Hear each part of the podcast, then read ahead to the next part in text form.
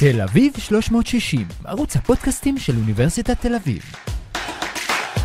כיף שהצטרפתם אלינו לפרק נוסף בפודקאסט אה, תל אביב 360. אה, לי קוראים מיכאל מירו, והפעם אנחנו נדבר על אחד הממצאים שמטרידים או צריכים להטריד את אוכלי הבשר, הקשר בין אכילת בשר אדום לבין סרטן, מחלת הסרטן, ובשיחה הזאת אנחנו ננסה אה, להבין איתך, דוקטור ורד פדלר קרוואני, את איזה מרכיב בעייתי יש uh, בבשר האדום, שאני חושב שמרכיב שאנחנו לא כל כך uh, מכירים אותו, ומה הוא עושה למערכת החיסון שלנו, ולמה uh, אנחנו כל כך uh, חוששים, ואת רואה את זה במחקרים uh, שאת עושה, ואולי אני יודע, היום מדברים המון על קונספירציות, אולי מדובר בכלל בקונספירציות של צמחונים וטבעונים שמנסים למצוא כל סיבה למה לא לאכול בשר, וזה מוביל אותי לשאלה שבאמת מסקרנת אותי.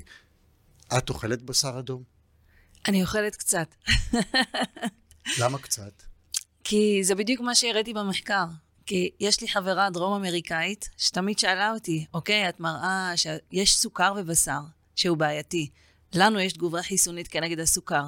אבל יש באמת מלא אנשים בדרום אמריקה שאוכלים בשר ואין להם סרטן. אז רק בשבילה אני עשיתי את המחקר והראיתי מפת עולם, שבו באמת אנחנו רואים שבמדינות דרום אמריקה, ארה"ב, אוסטרליה, שבהם כן צורכים הרבה בשר, אכן יש עלייה בסיכון לחלות בסרטן ולמות ממנו, בעיקר מקולורקטל קנצר, זה הסוג הסרטן שבו התמקדנו.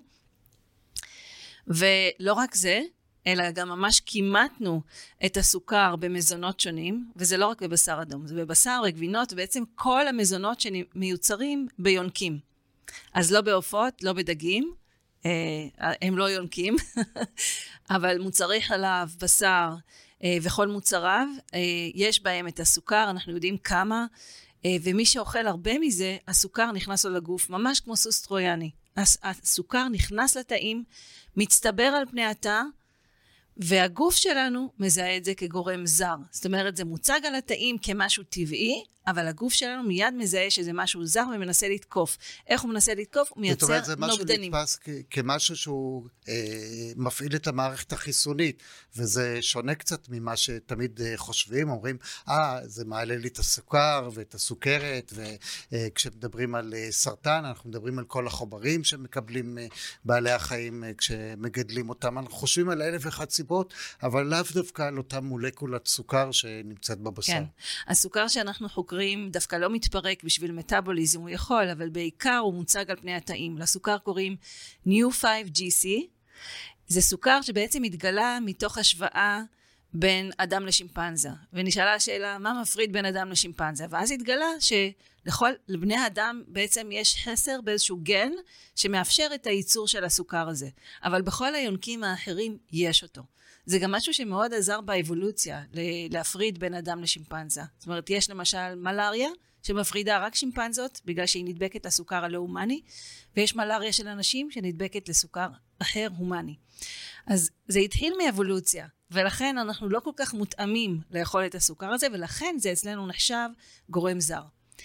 ויש לזה השלכות מכיוון כשאנחנו מייצרים את הנוגדנים כנגד הסוכר הלא הומני הזה, שבעצם נצרך אצלנו מהדיאטה, הגוף שלנו מנסה לתקוף, לתקן את הבעיה, אבל הוא לא מצליח, והוא בעצם יוצר דלקת כרונית.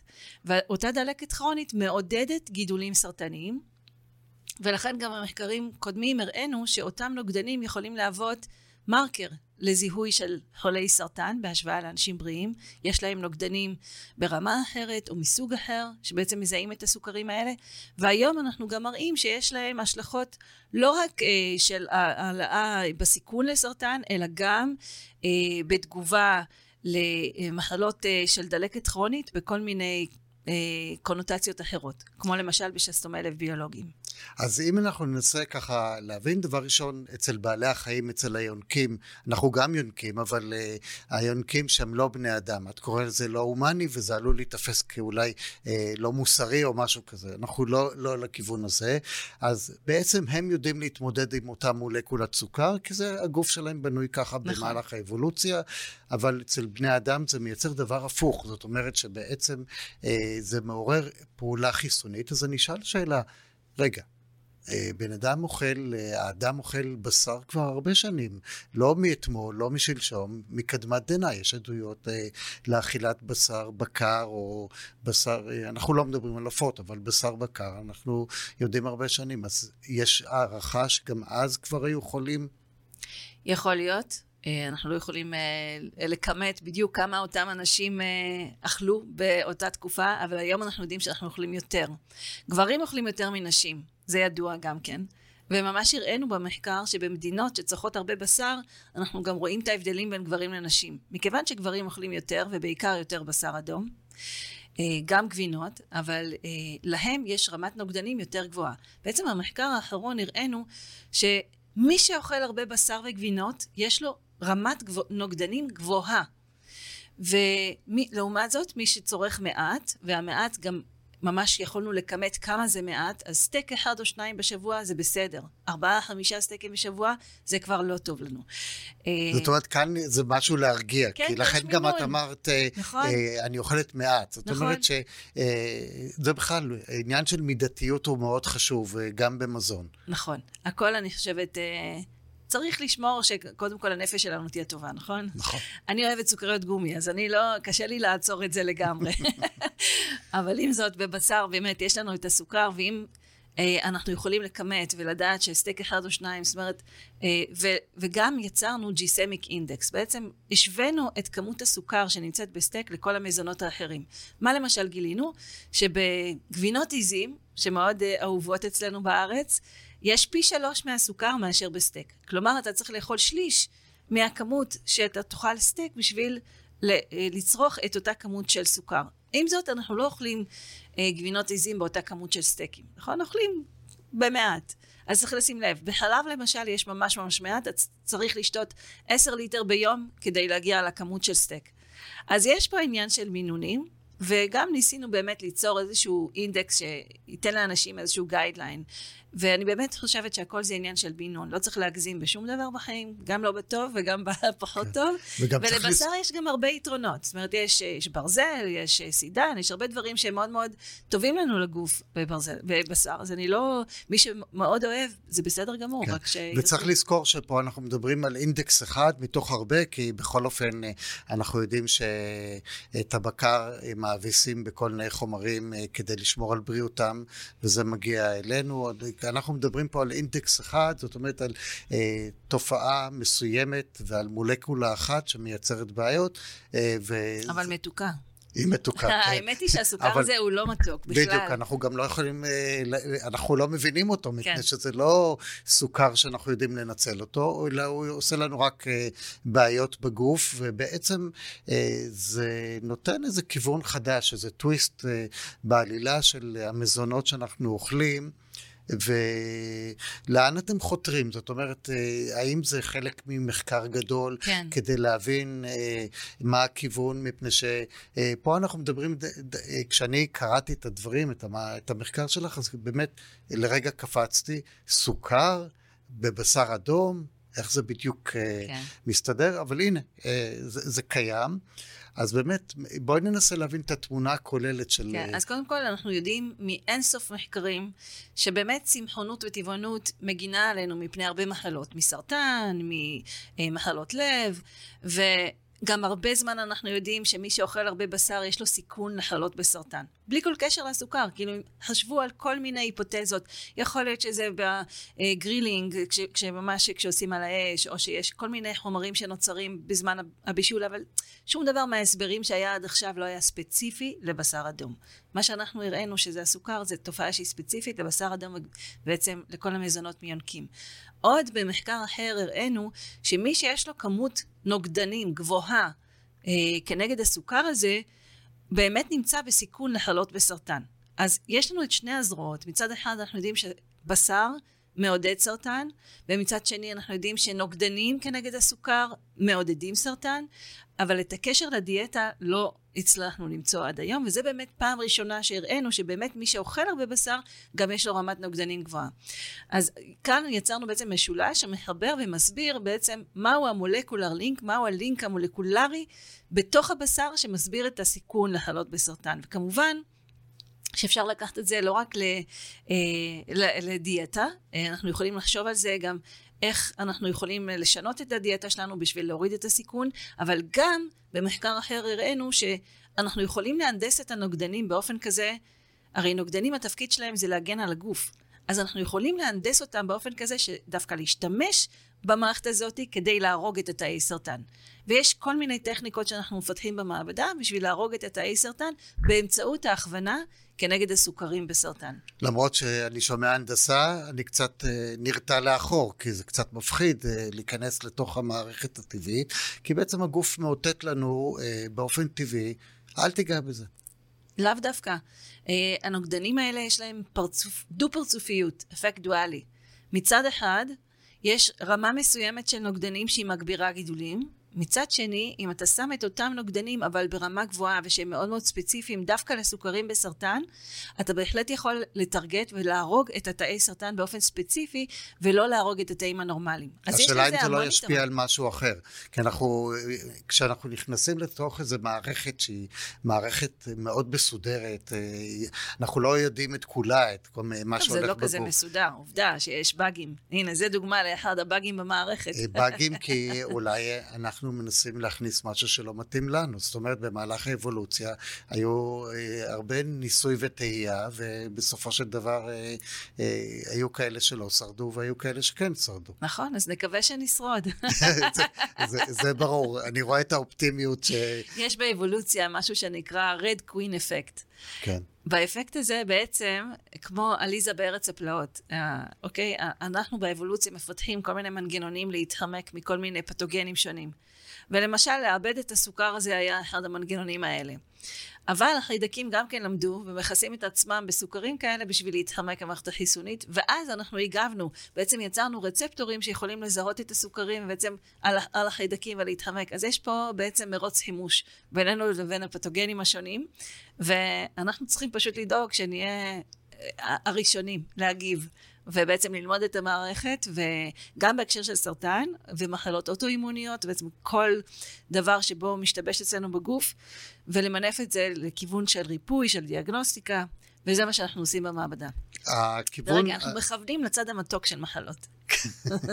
אז כשאנחנו מדברים פה על מערכות חשיבה או אה, דיסציפלינות חשיבה, שנניח אומרים הצמחונים והטבעונים, אני אמנע, ואז בצורה כזאת לא יהיה לי את הבעיה הזאת, ואת אומרת, רגע, אה, יש אנשים שרוצים לאכול בשר, בואו אני אמצא להם פתרון. אני לא אומרת על הטבעונים ועל הצמחונים, אל תעשו את זה, אלא אנחנו רוצים לראות איך אנחנו מצליחים לסגל את uh, הגוף של אלה שאוכלי בשר לדברים, לבעיות שעלולות לצוץ. זה לא ממש לסגל, אבל ללמוד או מה... או למצוא איך פותרים את הבעיה. כן, או ללמוד איך uh, להיות בטווח שלה בטוח. או אה, ללמוד להתמודד עם מה שכבר קיים, לעזור למערכת החיסונית להבין שאפשר להשתמש בזה גם לכיוון חיובי, ולא רק אה, לתקוף את הגוף באופן שהוא לא אפקטיבי, אלא ללמד אותה כן לעשות את זה נכון. אה, ואנחנו בדרך לשם. יש, יש פיתוחים שבעצם אנחנו יכולים להביא אפילו כבר היום לקליניקה, ובאמת זה מתקדם יפה. אני שואל את השאלה מפני שהיום העניין של אה, טיפול במערכת החיסונית משמש אותנו בהרבה דברים, גם בקוליטיס ובכל המחלות שאתה אומר, רגע, אני צריך לעצור את המנגנון אה, של הגוף שנמצא בהתנגדות מתמדת, כל האוטואימוני, אה, כל המערכת הזאת היא בעצם מערכת שהגוף בעצם מתגונן ואני צריך, רוצה לדעת, אז חלק מזה אתה אומר, אני אנטרל את הנוגדנים. זאת אומרת, אני אמצא איזה דרכים. ואת או אומרת, לנטרל, אני... או להשתמש אני... בהם. או להשתמש בהם ממש ככלי לכוון. שזה בעצם החידוש בדיוק, פה. זאת אומרת כן. שאת אומרת, אנחנו לא ננטרל אותם, בואו נראה מה אנחנו יכולים לעשות. נמנף אותם. נמנף אותם. ו- ו- וזאת מלאכה מאוד מורכבת. זו מלאכה של uh, uh, מחשבה מאוד uh, מורכבת, לא? אה, יש הרבה כיוונים ב- למנף את המערכת החיסונית. יש גם אה, חיסונים לסרטן, ויש אה, מה שנקרא CAR T-Cells, זה Chimeric Antigen Receptor. בעצם אנחנו יכולים לקחת את התאים, ממש דם של חולה, להנדס אותו בחוץ. ולהחזיר לחולה כשהתאים כבר יודעים לתקוף את הסרטן, אנחנו כבר יכולים לעשות את זה, ועושים את זה היום לסרטני דם בקליניקה. אנחנו במעבדה מפתחים כלים כאלה שיכוונו לצד המתוק של הסרטן. באמת, שאותם תאים שאנחנו נהנדס של החולה יוכלו לתקוף את התאי סרטן, ורק את התאי סרטן, בזכות זה שהם יכולים להיקשר לסוכרים על גבי תאי הסרטן. כן, ש- שזה, אם ניקח את זה למקום יותר גדול, זה הרפואה המותאמת אישית, שהיום בכלל בדיוק. מדברים עליה. אה, בואו לא נמצא תרופות אה, לכולם, כי כן. כל אחד מגיב קצת אחרת, ופה בעצם אתם נכנסים לתוך איזה תהליך מיקרו, וגם יכול להיות שהוא מותאם לבן אדם אחד, ואולי ממש. למישהו אחר זה לא מתאים. אה, דווקא בגלל שהסוכרים, אנחנו כבר יודעים איזה סוכרים מתבטאים בסרטן, אז דווקא היתרון, כי אנחנו יכולים לייצר תרופה שתוכל להתאים לכולם, אבל עם זאת אנחנו נהנדס את התאים הספציפיים של אותו בן אדם לאותו כיוון. זאת אומרת, אנחנו יכולים לתכנן את ה... איך להנדס את התאים באותו האופן להרבה אנשים, אבל לעשות את זה כל פעם על בן אדם אחד, על התאים הספציפיים שלו. רפואה עתידנית לשנייה, זאת אומרת, אה, אה, חס ושלום מישהו יש לו את הבעיה, הוא מגיע אה, למרפאה, לוקחים לו דגימת דם, כן. לוקחים את זה לעבודה, כן. במעבדה, זה ומחזירים. נשמע כמו איזה מדע בדיוני, זה לא? לא, זה נעשה כבר היום. לחולי סרטן הדם, זה טיפול שכבר מתקיים היום בקליניקה באופן די מוצלח, אבל אין עדיין טכנולוגיות כאלה לטיפול בסרטנים מוצקים, כמו למשל סרטן הלבלב, סרטן השחלות, שד, ואנחנו יכולים להציע פתרונות כאלה. אנחנו מקווים להגיע באמת לניסיונות קליניים באנשים בתוך אה, שנתיים-שלוש. מדהים, מדהים. הזכרת את סרטן הלבלב, זה סרטן שגם עד שמגלים אותו, זה לוקח זמן. אה, וכשמגלים, האנשים בדרך כלל זה מתים כבר נורא שלב מהר. מאוד, כן. אז גם, גם בדיאגנוסטיקה אנחנו רוצים להשפיע, גם במעבדה אנחנו מפתחים גם כלים לדיאגנוסטיקה, אה, נקווה לשלב יותר מוקדם. זה נראה טוב, אבל כמובן צריך... אה, אני יכול לנסות. רגע לנחש כיוון, זאת אומרת שיכול להיות שעל ידי נוכחות של נוגדנים מסוימים אתם תדעו אה, על סרטן ספציפי שמתפתח בשלב מאוד מאוד מוקדם. בוא נראה אם אתה מנחש ממש טוב. אה, למה הנוגדנים האלה ייקשרו? מה הם מזהים? איזה נוגדנים אלה? מה זאת אומרת? הנוגדנים, זה לא סתם נוגדנים, נכון? זה נוגדנים שמזהים משהו. ברור, איזה? מזהים בעיה של... אה, איזה? סוכר. תמיד זה יהיה סוכר. אנחנו במעבדה שלי, כמו שאמרתי, עוד לצד בעיות. המתוק. כן. יש עוד בעיות, אבל כן. אנחנו באמת לוקחים את זה זאת אומרת, לצד. במקרה שלכם, אה, כל דבר שקשור בסוכרים, לסוכר, אבל אז אנחנו מחפשים את הנוגדנים שקושרים סוכרים בסרטן. אנחנו מחפשים להנדס תאים שיקשרו את הסוכרים על הסרטן. אבל לא, רק- לא רק בסרטן, כמו שאמרתי, בכל המחלות של דלקת כרונית. זה יכול להיות ב-IBD, זה יכול להיות במחלות אוטואימוניות שונות, זה יכול להיות בשסתומי לב ביולוגיים, או במחלות אה, אתרוסקלרוזיס. אה, ובאמת במעבדה שלי חוקרים את זה בכל האספקטים בו זמנית. יכול להיות שזה גם משפיע על מחלות שנחשבות לאוטואימוניות כמו קוליטיס ודברים כאלה? כן, בהחלט. יכול באיזה להיות. צורה? אה, אני לא יכולה לספר כרגע, אנחנו זה- עדיין חוקרים את זה, אבל ברגע שיהיו ממצאים אני בוודאי אה, אשתף. זה מעניין מאוד, כי אה, אני תמיד אומר שכשלא יודעים, אומרים, זה אוטואימוני. זאת אומרת, זה, זה פתרון קל, ואני מתאר לעצמי שלחוקרת כמוך, כשאת אומרת אוטואימוני, את אומרת, רגע, למה אתה בדיוק מתכוון? כן. למה, ו- ולמה המערכת מתעוררת?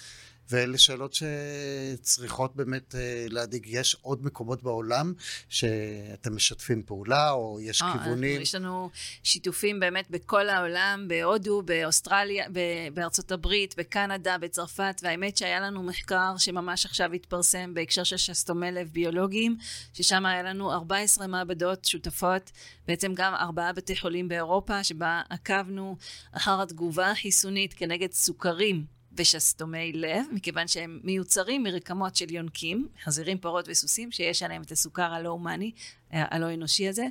ובעצם אה, באמת יש לנו שותפים אה, מכל אירופה, מארצות הברית וקנדה, וזה נראה באמת אה, מדהים. יכול להיות שנצליח גם לייצר שסתומי לב שיהיו יותר עמידים. הזכרתי את העניין של הקונספירציה, אז אני מעריך שמחקר שלכם, אני רואה את הזהירות שאת מדברת, הוא מאוד איטי, זה לא רצים ישר לאיזה נכון. עיתון לפרסם, אלא יש פה בקרת עמיתים, כן. ויש תהליך, זה, תהליך כן. שלוקח שנים, זה לא... למשל, המחקר שהתפרסם עכשיו לגבי שסתומי לב, זה מחקר שנערך עשר שנים. עקבנו, באמת אספנו דוגמאות דם מ-1,700 חולים, 5,000 דוגמאות דם. אז זה היה מאוד מאוד אינטנסיבי, וגם לגבי הסרטן, אה, הדיאטה, בעצם מה שהראינו עכשיו, את הקשר המולקולרי, זה היה עם 20 אלף אנשים שדיווחו במשך לפחות 21 יום מה הם אכלו במשך אותם 24 שעות. לפחות 21 ימים. אז באמת אנחנו משתפים פעולה עם חוקרים מכל העולם, ובאמת מנסים אה, אה, לעשות את זה כמה שיותר רחב ונוגע לאנשים. כן. ולה... ובצד המתוק. והכל אצלך בצד המתוק. כן. עכשיו אני מבין למה את אוהבת סוכריות או, גומי. זה, לא, זה התחיל מהסוכריות גומי. האמת שגם אני איתך. אבל יש שאלה שמאוד מסקרנת אותי. כן. אז מה החברה שלך מדרום אמריקה אמרה? את קצת הרסת לה את הפרדיגמה, לא? לא, אני נתתי כמות, אז אני יודעת כמה מותר וכמה לא, ואנחנו לפעמים יוצאות ביחד לאכול סטייקים, זה בסדר. כן, את אומרת, כמו שאומרים, לשמור מידתיות. מידתיות בכל דבר. כן. אה, מי שאוהב בשר, לאכול, אבל לא להגזים. בכלל, אה, באכילה צריך אה, להיות מאוד ממומנים, אה, זאת אומרת, לדעת את המינון הנכון. דוקטור ורד פדלר קרוואני, מה אני אגיד לך? תמשיכו לעשות את העבודה החשובה הזאת. אתם מכניסים חשיבה מעניינת וחשובה באמת לקשר של סוכר לסרטן, שלא כך מכירים אותו, כי אנחנו אוהבים את הדברים המתוקים ואנחנו לא מבינים את ההקשרים. שיהיה לכם בהצלחה. תודה רבה. היה כיף. תל אביב 360, ערוץ הפודקאסטים של אוניברסיטת תל אביב.